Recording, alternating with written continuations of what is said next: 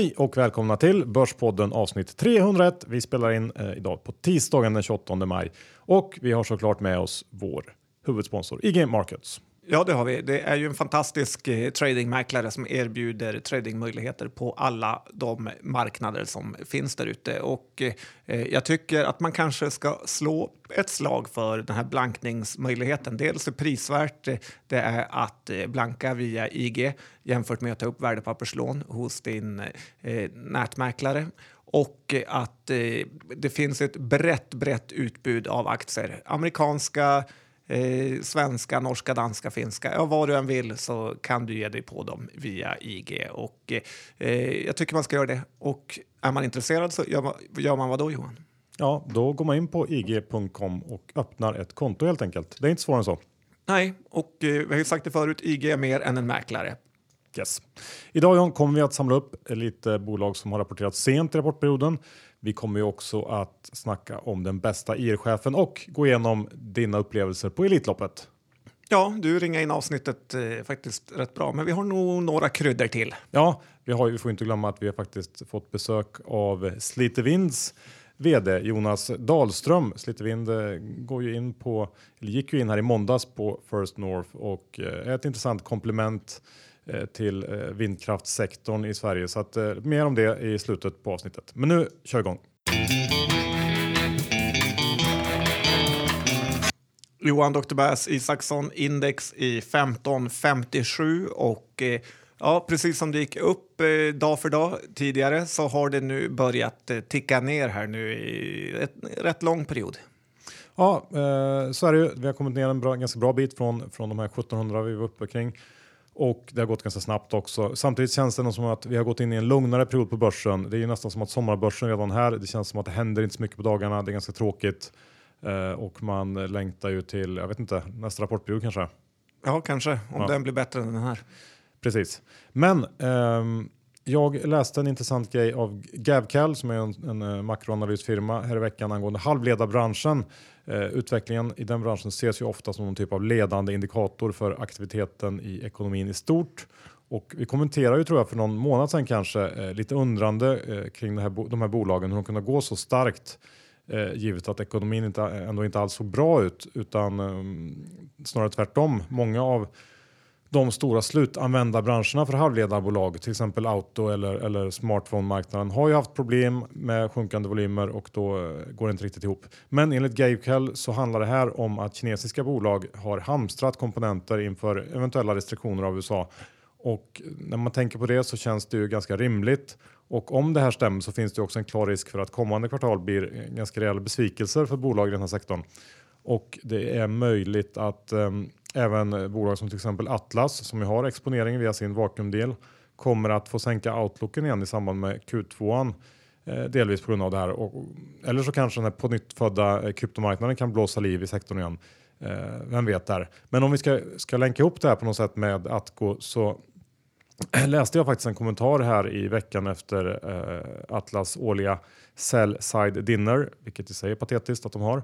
Men det har de i alla fall tydligen eh, med ledningen då. Och du var inte bjuden hör jag, i din bitterhet. Nej, eh, men där hade man ändå eh, försäkrat analytikerkollektivet om att det inte kommer ske någon snabb försämring av efterfrågeläget inom just eh, semiconductors eller halvledare och att man är mindre orolig för läget i Kina nu än i början av året. Så att de här, det är två eh, ganska diametralt motsatta åsikter här. Om Gabe skulle ha rätt så tror jag ändå att det finns en hel del icke inprisad nedsida i, eh, i den här aktien och många andra som, som eh, bygger på, på bra efterfrågan här i, i den industrin. Så det kan vara värt att hålla koll på. Ja, men är det någon egentligen som vet vad en, hur en halvledare ser ut eller vad det är? Man har hört det liksom i tio år, har inte en aning om vad det är egentligen. Nej, du får läsa på. Vi går över till den bästa e IR-chefen. Ja, det finns ju för alltid en bäst av någonting och i Sverige tycker jag faktiskt att det är den här Jakob Broberg på Cloetta som i dagarna har eh, sagt upp sig. Han har ju rattat Cloetta genom eh, en väldig massa kriser, från de här insiderskandalerna som verkar ha helt blåst över till olika kurskollapsar. Och nu är ju bolaget faktiskt i ganska bra skick. Till och med Erik Selin har ju lastat in en hel del aktier här så att något måste de ha. Eh, vi har ju också en annan IR-kändis och eh, det är ju Nils Winge på H&M.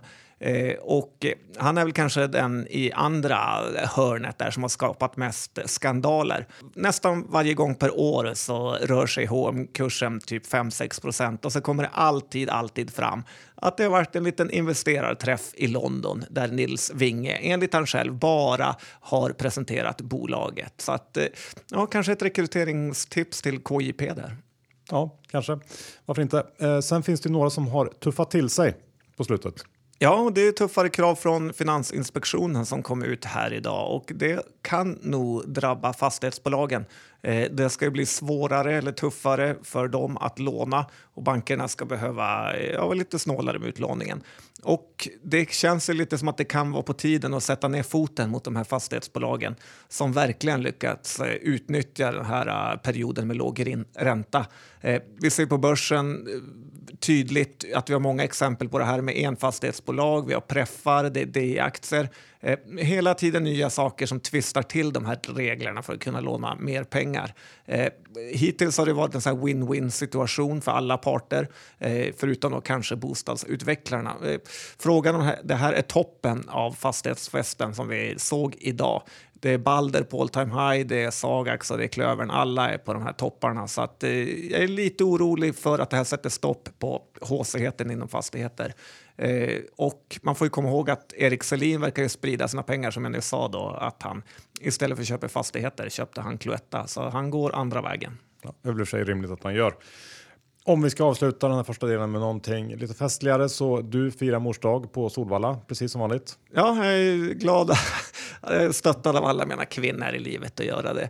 Nej, men eh, det var ju, gick av stapeln i helgen och eh, det är ju en viktig helg för många spelbolag. Främst ATG då, men även eh, mer och mer andra spelbolag faktiskt. Unibet har ju länge varit långt framme på det här med spel med hästar. Eh, tyvärr saknar ju alla spelbolag utom ATG då de här populära poolspelen som V75 och eh, poolspel är ju väldigt, väldigt bra för spelbolag eftersom det är garanterade pengar för dem. Man tar bara en del av omsättningen helt enkelt.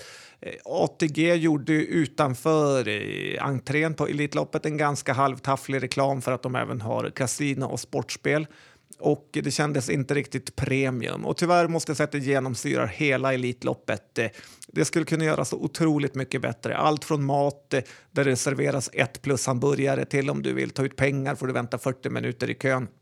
Och vill du ha en kaffe får du också stå liksom 20 minuter i kön.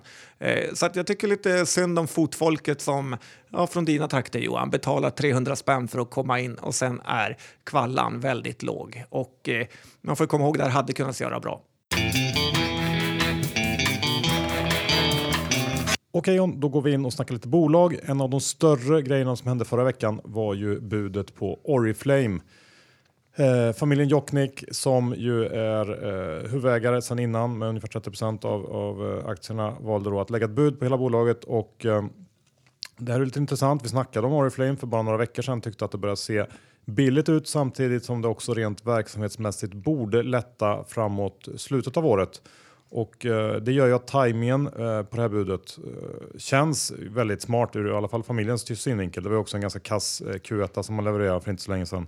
Eh, många har också klagat på den här låga budnivån, 227 kronor, ehm, som eh, värderar Oriflame under ev ebit 10 på årets prognoser. Ehm, aktien handlas nu några kronor under budnivån och det finns ju ett par olika scenarion. Eh, många verkar vara inne på att budet inte kommer att gå igenom just på grund av den relativt sett låga nivån på budet. Aktien är ändå ner eh, ungefär 30% på ett år trots budet då, och många är väl helt enkelt inte nöjda med det. Såg till och med att någon gick in och blanka eh, här, någon stor blankare dök upp efter budet, vilket är lite kaxigt kan jag ändå tycka.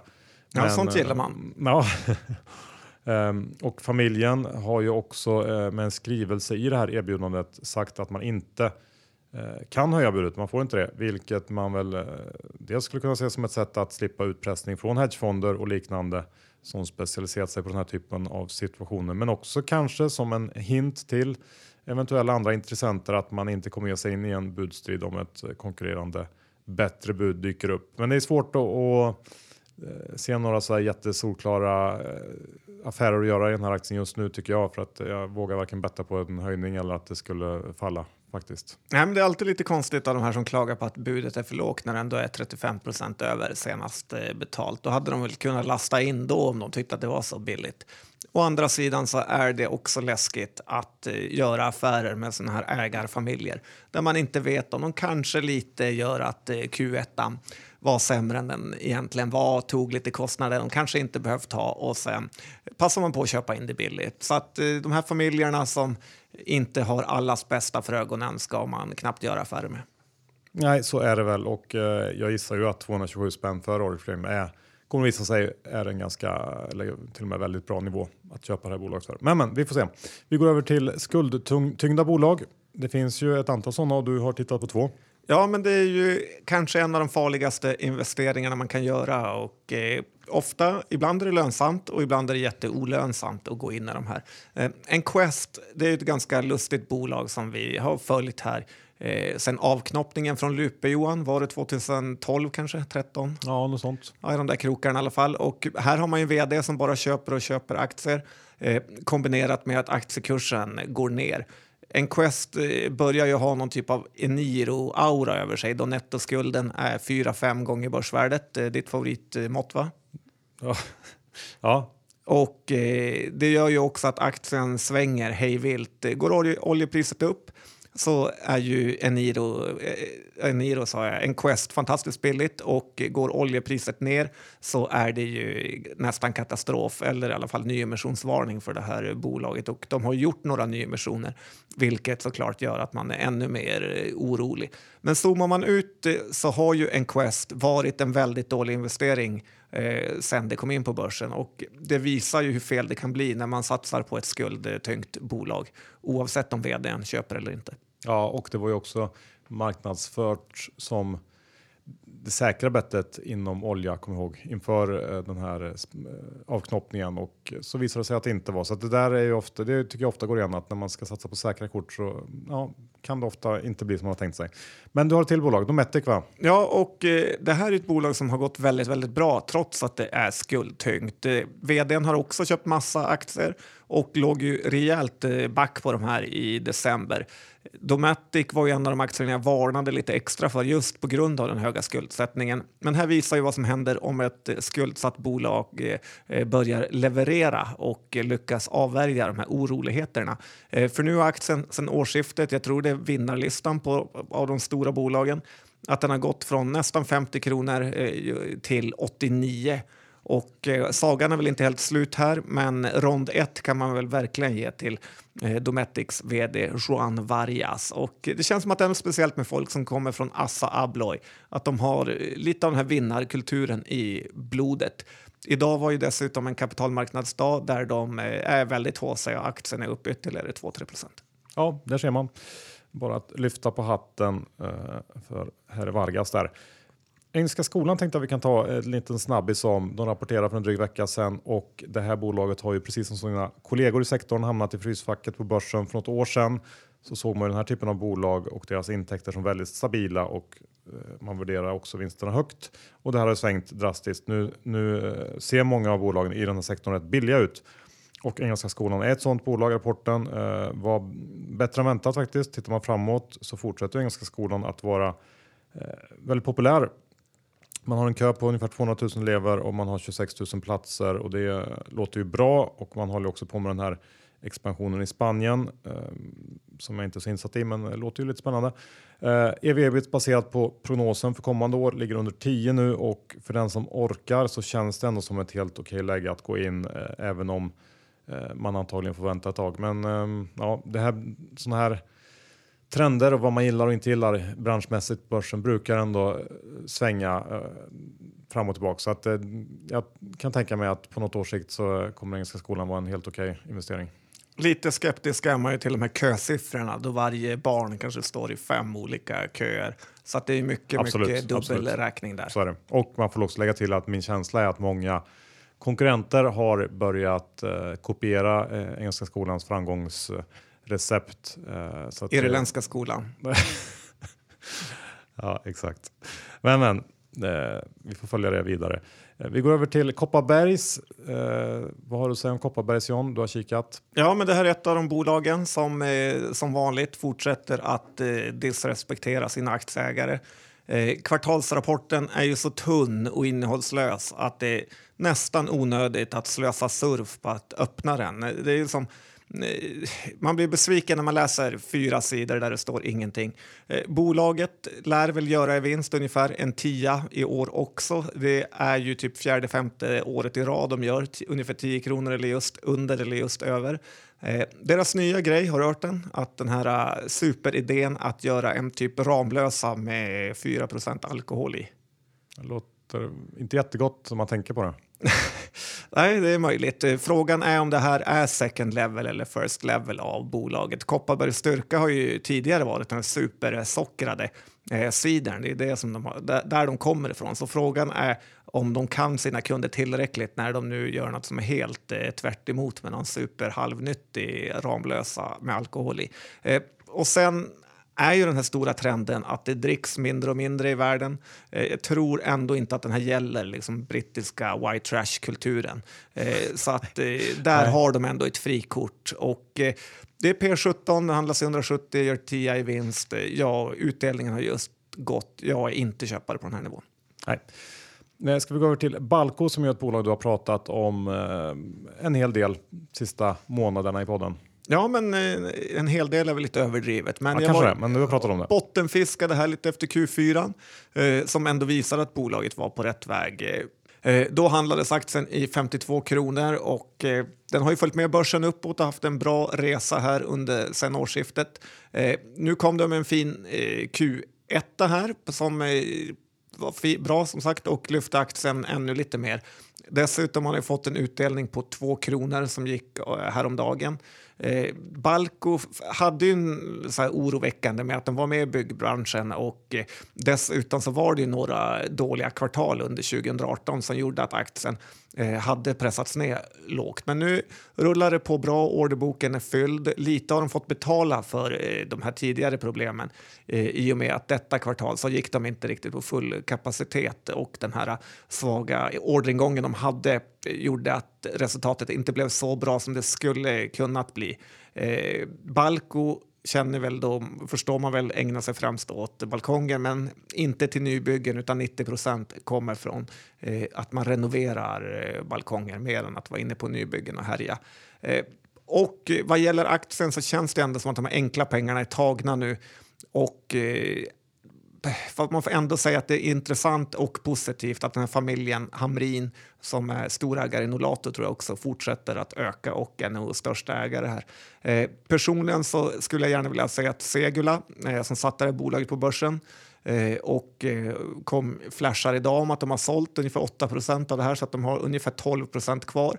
Men att de säljer ut även de sista procenten så att eh, man får se hur bolaget eh, flyger själv det är alltid en liten oro att ta en sån här posse i bolag när man vet att riskkapitalbolaget som satte det på börsen fortfarande är kvar. För det är ju uppenbart att de vill ur vid ett läge och eh, ju före desto bättre. Ja, jag håller med där. Även om jag själv har svårt att gå igång på balkonger, men alla olika. Ja, det är så när man är stekare i villa, Bromma villa. En del gillar balkonger. Um, Inglasade. Ja, man kan sitta och röka.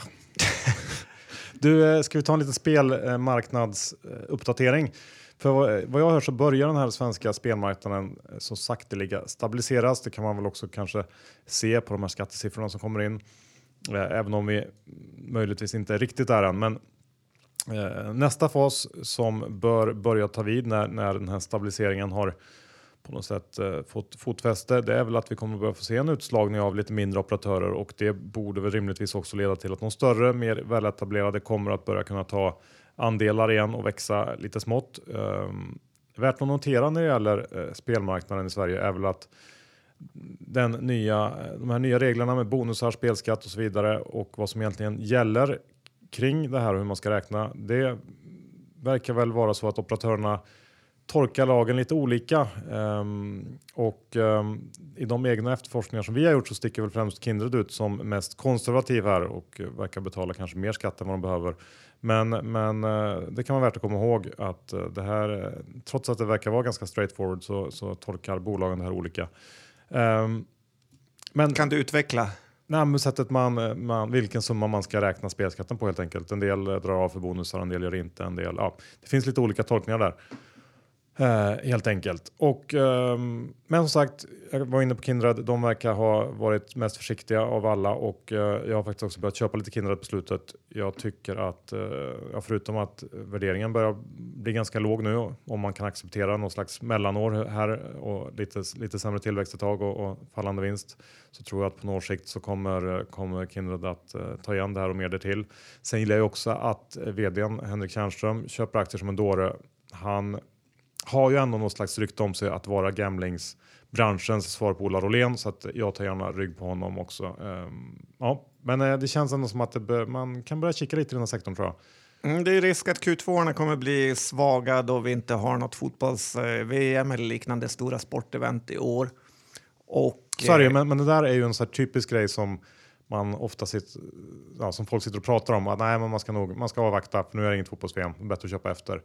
Eh, den typen av argument tror jag inte riktigt. Då kommer det redan vara för sent om det nu vänder. Annars så kanske det fortsätter ner. Men eh, det är lite för uppenbart på något sätt. Ja, det är möjligt. Eh, det andra är ju att Tjärnström har ju eh, fortsatt eh, lasta. Han har ju lastat in på eh, väldigt mycket tidigare också och har lite Mekonomen-aura i sin uh, timing här så att det, man kanske inte ska vara 100% säker heller. Mm. Även om jag såklart gillar mer att de köper än att de inte köper. Ja, jag kan inte riktigt hålla med om den här Mekonomen-auran, men eh, kan man bara se det som att det är ännu billigare nu då. Om man köpte för 10-15 spänn sen så ja. Ja, han har mycket pengar i alla fall. Tydligen. Bra lön. Eh, vi lämnar spelsektorn och går över till SAS. Eh, piloterna lyckades ju trossa sönder Q1, eller har de brutit? Ja. Rapporten som kom idag i alla fall. Eh, fullständigt, men hur ser det ut egentligen, John? Ja, de där piloterna var inte så softa. De, SAS hade ju innan det här Eh, haft nästan allt med sig och eh, under ett år här, så för ett år sedan kunde de till och med köpa tillbaka sina preffar efter att ha varit lite sådär krisstämplad. Men efter det har ju allt gått emot dem. Det är högre oljepris, det är minskad efterfrågan eh, på fly, flyg med Greta-effekten och sen dy, hög, dyrare dollar och det är dåligt på alla sätt och vis. Då man, för SAS de får intäkterna i kronor och sen måste de betala leasing, flyg, flygbränsle och flygplatskostnader i dollar. Så att, eh, eh, nu var ju SAS inte ens säkra på att de kommer gå med vinst i år och eh, det är precis därför man inte ska äga flygbolag. För att det, de kan gå från att vara, eh, ha ett P-tal på 4-5 och sen på några månader så blir det här P-talet negativt istället. Eh, och det är den här gamla klyschan som man alltid hör att om du vill bli miljonär så ska man börja som miljardär och investera i flygbolag. Eh, det är lite konstigt då att Buffett, jag vet inte om det är han som har sagt det här, men han har ju alltid sagt att man inte ska investera i flygbolag och sen har eh, Berkshire börjat eh, göra det. Och man vet ju inte om det här, heter de Todd och Chad, hans två lieutenant som de kallas. Ja, Todd i alla fall, men är det Chad verkligen? Todd ja. och Ted tänker jag nästan. Men, okay, jag tror inte att det är Ted. Eh, det tror du inte? Nej. men Chad tror du? Chad tror jag kanske. Ja. Nej, men det är någon av de där, de här lite halvkonstiga namnen.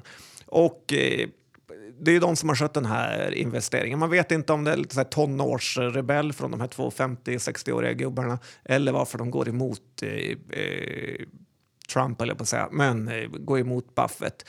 Och eh, det är ju främst Delta de har i köpet, det amerikanska jättebolaget. Eh, men SAS, man får ändå säga att det kommer inte som någon jättechock här eh, då aktien redan tappat eh, från 20-nivån till eh, 14,50 inför rapporten och idag gick den ner kanske 7-8 procent eh, till 13,50 här. Så att det, det intressanta är om det är köpläge här och nu för man ska köpa när saker har kollapsat.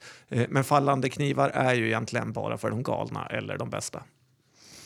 Ja, exakt. Bra John. Eh, vad, jag sitter och googlar Todd och Ted här. Och, eh, Todd och Ted. Ja, grattis. Eh, inte Chad eller vad du sa. Han, han är lite mer okänd. ja, det är han. Eh, ska vi avsluta med Sectra? Ja, men det kan vi göra. Eh, Ett av börsens eh, finaste bolag får man väl ändå säga, som kommer med rapport idag på tisdag. Och bra resultat, bra orderingång, även om mycket av orderingången ligger långt fram i tiden. Eh, den här aktien är ju otroligt eh, högt värderad. Eh, på senaste rullande 12 månaderna är nu p-talet 60. Så att eh, bolaget har ju ungefär drygt 300 miljoner i kassan, så ingen skuld. Men däremot är börsvärdet 11 miljarder så att eh, de här 300 miljonerna är inte mycket egentligen det heller. Eh, men de har hamnat i någon typ av blandning av högteknologigrejer till sjukhus och cybersäkerhet eh, som börsen inte kan få nog eh, av faktiskt. Det är lite surt för Pareto som i fredags satte sälj, sälj på eh, Sectra och nu åkte man på den här rapporten. Eh, det ska ju dock sägas att de är inte direkt ensamma om att tycka att Sectra är i dyraste laget. Eh, Karl Armfelt lär väl dock inte hålla med antar jag, även om jag för mig att han sa att ev-ebit 60 eh, var även någon gräns för honom. Även för honom ja, var det en smärtgräns. Men John, nu är det dags för vårt snack med eh, Slitevinds vd Jonas Dahlström som precis har gått in på börsen. Varsågoda. Då säger vi välkommen till Jonas Dahlström som är vd på Slitevind som är på väg in till First North. Tack så mycket. Kul att ha dig här. Vi börjar med att du kort berättar om ditt bolag och dig själv. Eh, Slitevind har, eh, var ganska tidiga med vindkraft. Bildades på eh, norra Gotland 1992 och sen så har bolaget eh, Eh, ja, fortsatt sen dess och kört eh, med inriktning mot eh, produktion och sen ett antal år där på vägen så jobbade man mycket med eh, projektutveckling, drev större utvecklingsprojekt eh, framförallt i, i Norge och, och Finland. Sen tillträdde jag som vd 2015 och eh, då har vi sen dess återgått till, till kärnan så att vi har avvecklat alla utvecklingsprojekt och är helt inriktade på att driva egna vindkraftverk och sälja el och så pysslar vi en del med förvaltning också av andras anläggningar. Man hör att du kommer från eh, Gotland. Det är eh, en korrekt gissning. Jag kommer från Gotland, precis som bolaget. Är det har... för du är extra lämpad att leda det här bolaget eller vad är din bakgrund och erfarenhet av vindkraft? Eh, för, förutom då det faktum att jag är gotlänning så tror jag att eh, det, det, det, hjälper upp att jag har hållit på med vindkraft då i ja, drygt 20 år faktiskt. Eh, men lite lägre intensitet i mitten. Men annars så var det ett annat pionjärbolag som hette Vindkompaniet eh, som så småningom faktiskt har eh, utvecklades till eh, eh, OX2, eh, ett annat framgångsrikt eh, vindkraftföretag. Så att eh, Vindkompaniet, där eh, höll jag till ett, ett, ett antal år och, och, sen så har det varit eh, Own Power mitt emellan och så numera så är det Slite Vind då, sen 2015. Hur är lojaliteten bland eh, gotlänningarna? Har ni många gotlänningar som aktieägare? Eh, Slitevind har, eh, vi har bra med, med många gotlänningar som aktieägare och sen men generellt sett så har det varit varit eh, många gotlänningar som har ägt i samfälligheter och eh, ekonomiska föreningar. Och det som liksom drev eh, vindkraftutvecklingen från början, om det idag är mycket fonder som äger då, så, så var det verkligen gräsrotsägt från början. Så att vi har haft en, en 4-5 tusen gotlänningar som har ägt andelar i, i diverse vindkraftprojekt. Då. Slitevind har ju en 350 aktieägare ungefär så att eh, vi, vi, vi ser fram emot att kunna fånga upp många av de här eh, vana liksom, eh, vindkraftägarna eh, också framöver. Då kan man, kan man gärna, eh, de kan gärna vara med oss i, i, i Slitevind som är en lite, ska man säga, en, en, en modernare ägarform än, än samfälligheten och, och kooperativen då, som, som drev det från början. De har till viss del spelat ut sin, sin roll. Och första handelsdagen är på måndag? måndag den 27. Och eh, vad är meningen med det? Att ni går från alternativa, eller hur, till eh, First North? Ja, vi har handlats på, på eh, Peppins då ett, eh, ett några, år, några år. Eh, det är för att alltså vi, vi har eh, de senaste tre, fyra, fyra åren så har vi investerat Eh, 400 miljoner drygt i ny produktionskapacitet, gått från eh, 75 gigawattimmar då i årlig produktion till en 200 260-265 Eh, och vi ser väl för oss att det går att fortsätta att göra eh, intressanta affärer också framöver och då kan, eh, då kan en eh, listning på First North eh, hjälpa oss.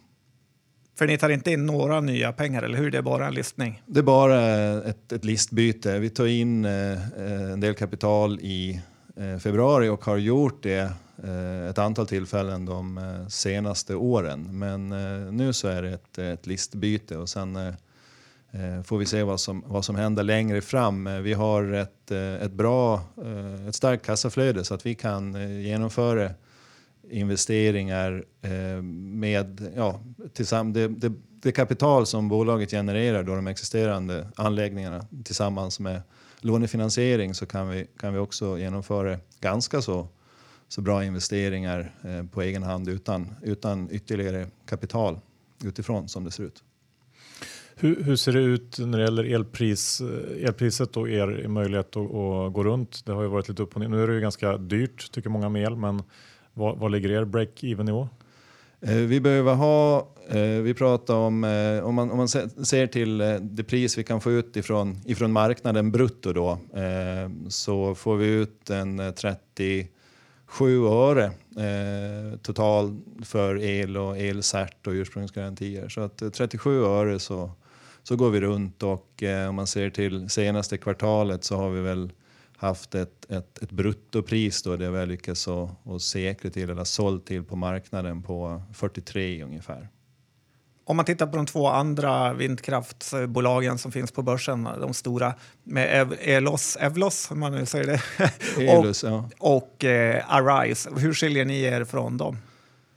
Eh, Eolus har eh, idag väldigt, väldigt liten egen produktion så att eh, de eh, är ju en projektör. Eh, de är fantastiskt duktiga på att ta fram stora projekt och som de säljer företrädesvis till pensionskapital. Eller i alla fall, det är ju stora projekt, eh, projekt som är alldeles för stora för oss. Så att där är vi liksom egentligen inte i samma verksamhetsområde eller samma, samma del av marknaden. Vi har eh, köpt, eh, vi har ganska, alltså, vi har köpt något eh, enstaka vindkraftverk från Eolus i och med att de i princip avvecklar sin egen produktion. Då. Och sen äger vi ganska mycket maskiner som, de, som vi inte har köpt av dem men som de har, har tagit fram en gång i tiden. Sen har vi, har vi köpt av, av deras kund egentligen. Så att vi har ganska mycket, vi har en del Eolus-framtagna projekt. Eh, Arise, eh, eh, de eh, gör ju både och. Alltså, de har fortfarande en ganska stor egen produktion men är också framförallt inriktade på eh, projektutveckling att ta fram eh, stora projekt, bygga dem och, och sälja dem till, eh, eh ja, till, till större investerare. Så att Arise och Elus är, är där ganska lika. Eh, Arise har fortsatt en ganska omfattande produktion även om de sålde bort ungefär hälften då eh, när de avyttrade det här stora Gedros-projektet för en ganska kort tid sedan. Så att vi, vi är eh, eh den enda som är, som är en helt eh, fokuserad producent och sen vad gäller förvaltning så, så korsas våra vägar lite grann när vi förvaltar andras anläggningar. Ja, men då kan man ändå säga att ni, ni fyller någon slags tomrum här för investerare som vill ha den här typen av tillgångar. Eh, och ni har precis släppt en Q1 också så att du kan väl bara lite kort gå igenom utvecklingen på slutet här. Jo, eh, kvartal ett så omsatte vi lite drygt 30 miljoner eh, med ett eh, resultat eh, när vi pratar före skatt på, på 7,6. Eh, och eh, när vi då eh, ser för oss att vi på helår ska ha ett resultat som är, som är klart bättre än, än eh, föregå, föregående år, 4,3, så är jag väldigt trygg med det. Eh, nu är ju första kvartalet eh, väldigt starkt för det har varit det var exceptionellt blåsigt helt enkelt, så att vi hade ett väldigt bra kvartal. Samtidigt så de kommande tre kvartalen, vi förväntar oss ju att vi ska kunna gå lite plus varje eh, kvartal, även om det första och det fjärde är de klart, klart starkaste. Så att, eh, ja, eh, att helåret ska, ska landa eh, klart bättre än föregående år, med det är är, är väldigt trygg. Och sen eh, så har vi då sett första kvartalets ja, ungefär 7,5 i, i, i överskott. Och, ja, sen, sen får, vi, får, får, vi se vart, vart vindarna tar oss eh, resten, av, resten av året. Man kan ju också titta på, på eh, värderingen av, av eh, ja, tillgångar om man vill försöka värdera det här bolaget. Och du var inne lite på, på lite affärer som gjorts eh, här tidigare innan vi, vi spelade in. Du kan väl gå igenom lite hur man eh, kan kika på det här.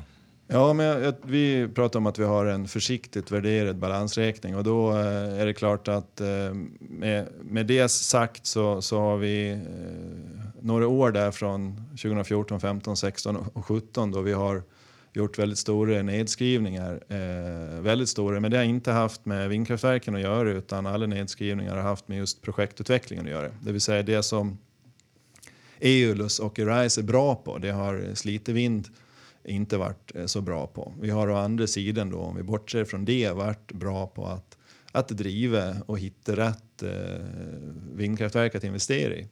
Och eh, när då projekt portföljen är borta så, så har vi tillgångar på ungefär 600 miljoner och producerar 260 GWh.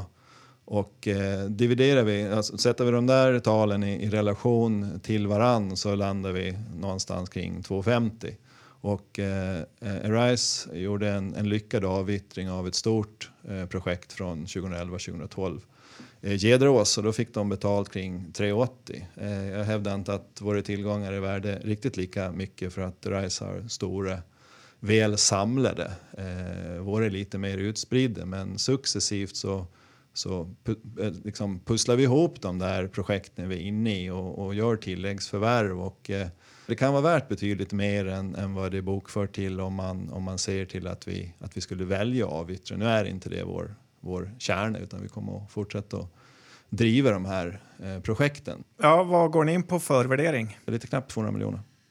Mm. Och eh, vi var inne lite på, på, på, ägare förut. Äger du några aktier själv? Ja, men tillsammans med eh, Göran Bylund, min kompanjon sedan ganska många år som är teknisk eh, chef. Eh, vi har ett bolag tillsammans som eh, har 6,5 procent ungefär av bolaget. Eh, Spiltan är tredje största ägare och eh, så har vi Tamt AB, eh, Teddy Jansson, eh, investerare som, som eh, investerar sina, sina egna pengar i, i små och stora eh, bolag som är största ägare. Och om man själv investerar i det här, hur ska man se er som bolag? Är ni ett utdelningsbolag, tillväxtbolag, eh, turnaround eller vad? Berätta. Ja, men, eh, turnarounden har vi klarat av. Eh, vi eh, vill försöka att kombinera eh, tillväxt på 5-10 procent ska vi kunna klara av, det vill säga produktionstillväxt på 5-10 procent eh, med att dela ut eh, 25-50 procent av eh, eh, vinsten efter skatt. Så att det ska, vi, ska, vi ska försöka att kunna kombinera en rimlig tillväxt med en viss direkt avkastning. Så 2020 kan man vänta sig en liten utdelningspeng om man eh, investerar? Eh, jag skulle säga 2021. Och eh, slutligen, har du något eh, man ska tänka på om man investerar i vindkraftsbolag? Ja, men eh, om vi kan klara av ett resultat på eh, sista raden som är eh, klart bättre än föregående års lite dryga fyra då. Så, är det, så amorterar vi ju kraftigt. Då har vi haft amorteringar på en 30 eh, miljoner lite drygt 2019. Så att vi har ett, eh, eh, ett starkt kassaflöde som, som i, i förlängningen kan bli ja, när vi amorterar mindre så kan det, kan det användas till utdelning och ytterligare investeringar. Bra och eh, om man vill hålla koll på er på börsen, vad är er ticker, ert kortnamn? Slite. Enkelt. Tack så mycket Jonas för att du kom förbi och lycka till. Tack. Slut på avsnitt 301. Vi tackar vår huvudsponsor IG Markets. Ja, det gör vi. Kom ihåg, gillar du blanka börsen eller gå lång eller handla valutor, spreadar, index, vad som helst så är IG mäklaren för dig. Fantastisk app och Erik Hanséns morgonbrev får bara mer och mer cred tycker jag. Ja, kul. Och när det gäller våra egna innehav så är jag lång Kindred. That's it av bolagen vi pratar om idag. Hur ser det ut eh, för min kollega John Skogman? Uh, för Chad eller Todd. Uh, för mig har jag också lite Kindred faktiskt. Gillar bettet, men jag är inte lika säker som du. Kul! Då tackar vi för oss och hörs om en vecka igen. Hej då! Hej då!